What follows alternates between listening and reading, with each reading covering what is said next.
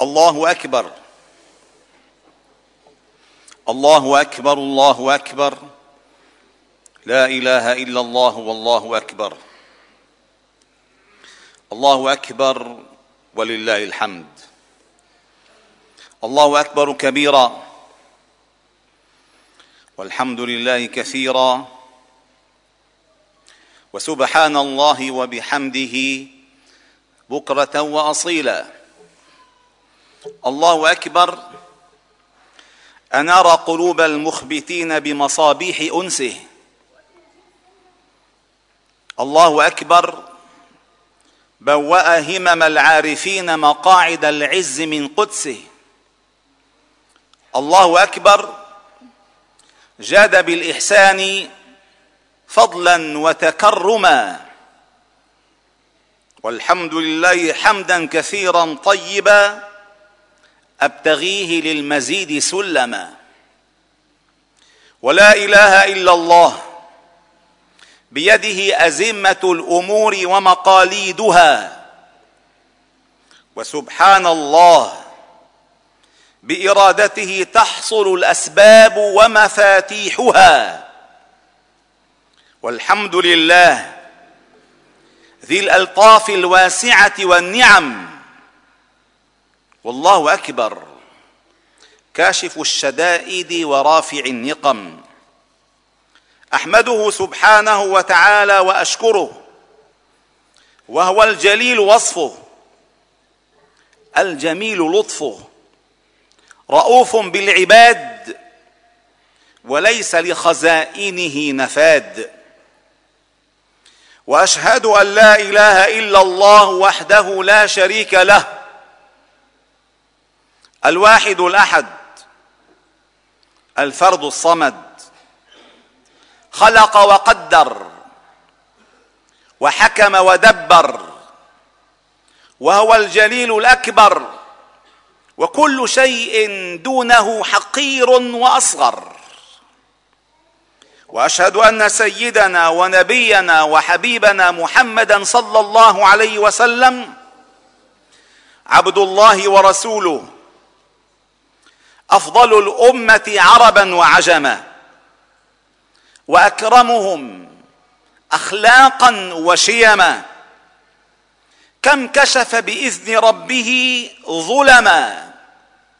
وكم أزاح عن الأبصار عمى صلى الله عليه وسلم وبارك. وعلى آله الطيبين الطاهرين. وأصحابه الغر الميامين. أرفع الأمة قدرا وكرما وأسبقهم في الطاعات همما. والتابعين لهم بإحسان إلى يوم الدين. والله أكبر كبيرا. والحمد لله كثيرا. وسبحان الله وبحمده بكرة واصيلا. أيها الأحبة المؤمنون أعيادنا أهل الإسلام يرفع فيها ذكر الله فهي أعياد التكبير. وورد في الأثر زينوا أعيادكم بالتكبير وكما قال الله تعالى في سورة البقرة والحج ولتكملوا العدة ولتكبروا الله على ما هداكم ولعلكم تشكرون. لتكبروا الله على ما هداكم وبشر المحسنين. في أعيادنا نحن المسلمين يتجسد هذا التكبير ويعلن ويعظم في كلمات ذات عزة وبهجة. يرددها المسلمون في أعيادهم فرحا وقوة. وابتهاجا وعبادة في المساجد في الأسواق في الطرقات في المنازل في كل أصقاع الأرض مشارقها ومغاربها بتكبير واحد بشعور واحد بلهجة واحدة. كلها بهجة ورضا في صورة تتجلى فيها أسمى معاني الخضوع لله ولعظمته عز شأنه وجل جلاله وتقدست أسماؤه. الله أكبر على ما هدانا والله أكبر على ما أولانا. كلمة الله أكبر يجد فيها المسلم الراحة والفرحة معا. والعزة والقوة معا. ترديد. ترتفع فيه الشعائر وتهتز له المشاعر. الله أكبر. إعلان لعظمة الله.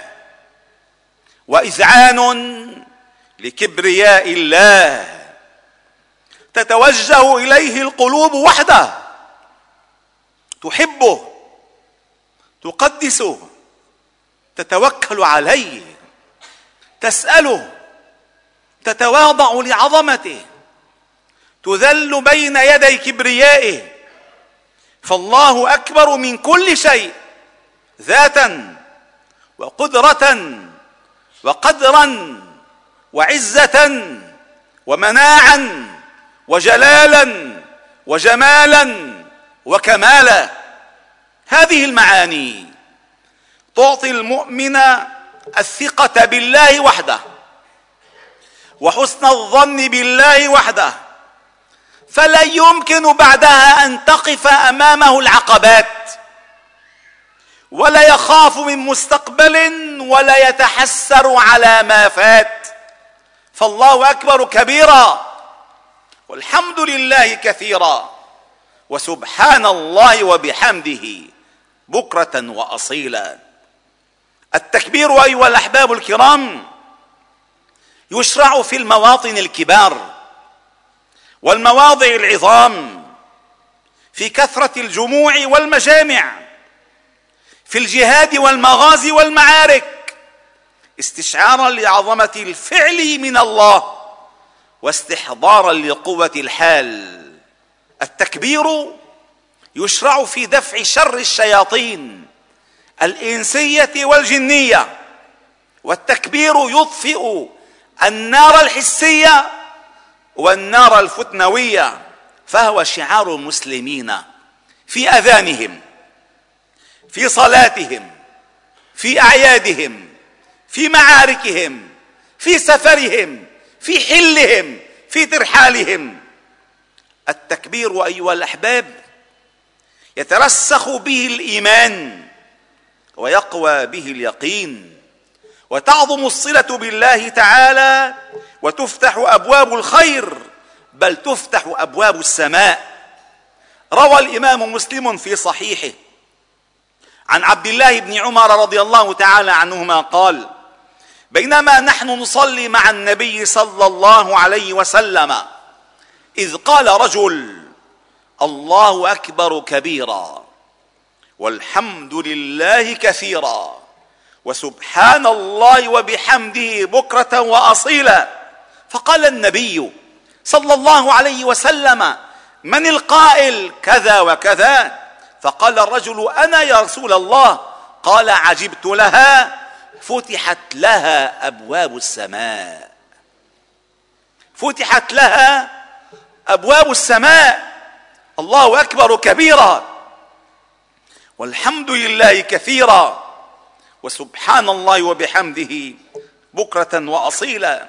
قال ابن عمر فما تركتها بعد أبدا. وفي الحديث كذلك التسبيح أي سبحان الله نصف الميزان. والحمد لله تملأ الميزان والتكبير يملأ ما بين السماء والأرض. وقال ابن حجر التكبير ذكر مأثور عند كل أمر مهول وعند كل حادث سرور. شكرا لله تعالى وتبرئة له من كل ما ينسبه إليه أعداؤه. فالتكبير شعار الصلاة فلا يبتدئ الإنسان الصلاة إلا بالتكبير. يقولها المسلم في اليوم والليلة أكثر من سبعين مرة ويسمعها من الإمام والمؤذن أكثر من مائه مرة ويرددها في أذكاره عشرات المرات وهي من الباقيات الصالحات.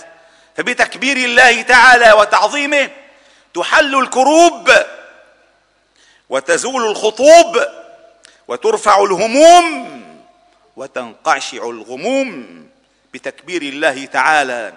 يصفو العيش ويشفى الداء. قال عمر بن الخطاب رضي الله تعالى عنه قول العبد الله أكبر خير من الدنيا وما فيها فالله أكبر كبيرا والحمد لله كثيرا. وسبحان الله وبحمده بكرة وأصيلا. وقل الحمد لله الذي لم يتخذ ولدا ولم يكن له شريك في الملك ولم يكن له ولي من الذل. وكبره تكبيرا. أقول ما تسمعون وأستغفر الله العظيم لي ولكم فاستغفروا ففوز المستغفرين. استغفروا الله.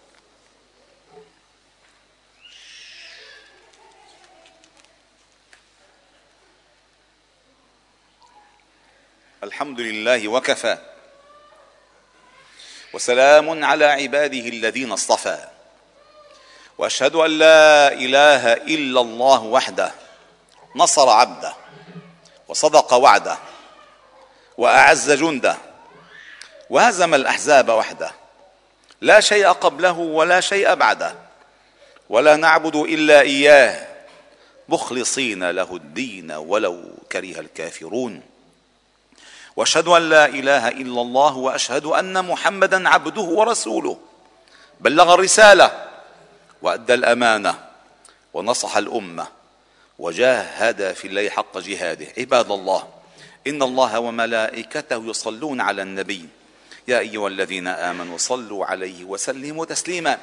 اللهم صل على محمد وعلى آل محمد كما صليت على إبراهيم وعلى آل إبراهيم وبارك على محمد وعلى آل محمد كما باركت على إبراهيم وعلى آل إبراهيم في العالمين إنك حميد مجيد. وارض اللهم عن الخلفاء الراشدين والصحابة والتابعين ومن تبعهم بإحسان إلى يوم الدين وعنا معهم برحمتك يا أرحم الراحمين. اللهم ارحمنا فإنك بنا راحم. ولا تعذبنا فإنك علينا قادر ولا تسلط علينا بذنوبنا من لا يخافك ولا يرحمنا. يا حي يا قيوم برحمتك نستغيث أصلح لنا شأننا كله. ولا تكلنا إلى أنفسنا طرفة عين ولا أقل ولا أكثر. إلهنا مولانا أنت رب العالمين. اللهم أحسن عاقبتنا في الأمور كلها. واجرنا من خزي الدنيا وعذاب الآخرة. ربنا لا تؤاخذنا إن نسينا أو أخطأنا. ربنا ولا تحمل علينا إصرا كما حملته على الذين من قبلنا.